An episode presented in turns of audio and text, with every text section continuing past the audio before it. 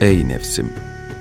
Bil ki tamlığa, kemale eren insan, hiçbir fazileti kaçırmayan ve hiçbir rezilliğe ilgi duymayan kimsedir. Ancak çok az insan bu sınıra ulaşabilir. İnsan bu sınıra vardığı zaman insanlardan çok meleklere benzer. Oysa insanın birçok kusuru vardır, onu ve tabiatını birçok kötülük istila eder.'' Nefsini bütün ayıp ve noksanlıklardan kurtaracak ve bütün fazilet ve iyilikler tarafından kuşatılacak şekilde bu kötülüklerden kurtulan çok az insan vardır. Ancak bu tamamlık, kemal, ulaşılması oldukça zor ve uzak da olsa mümkündür. Bu insanın ulaşacağı son hedef, varacağı en son noktadır.'' İnsan samimi bir niyet ve azimetle harekete geçip çalışma ve çabanın hakkını verdiğinde, varlığın amacı kılınan bu son noktaya varmayı, nefsinin yüceleceği bu mertebeye ulaşmayı hak eder.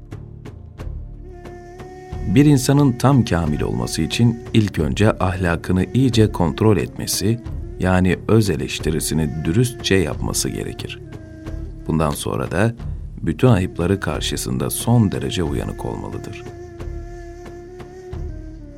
Her türlü noksanlığın kendisine sirayet etmesinden sakınmalıdır. Her fazileti işlemeli, gayeye ermek için çalışmalıdır. Kemal suretine aşık olmalıdır. Güzel ahlaktan lezzet almalıdır. Kötü alışkanlıklar karşısında uyanık bulunmalıdır. Nefsini arındırmaya önem vermelidir.'' sahip olduğu erdemleri çok görmemelidir. İşlediği en küçük bir rezilliği dahi büyük görmelidir. Yüksek rütbeleri küçümsemeli, en yukarı hedefleri dahi azımsamalıdır. Tamamlığın şu anda bulunduğu yerin ötesinde olduğunu düşünmelidir. Kemalin en eksik niteliği olduğunu düşünerek daha mükemmel olmaya çalışmalıdır.'' İnsanı tamamlık, kemal mertebesine ulaştıran, kemalini muhafaza etmesini sağlayan yola gelince.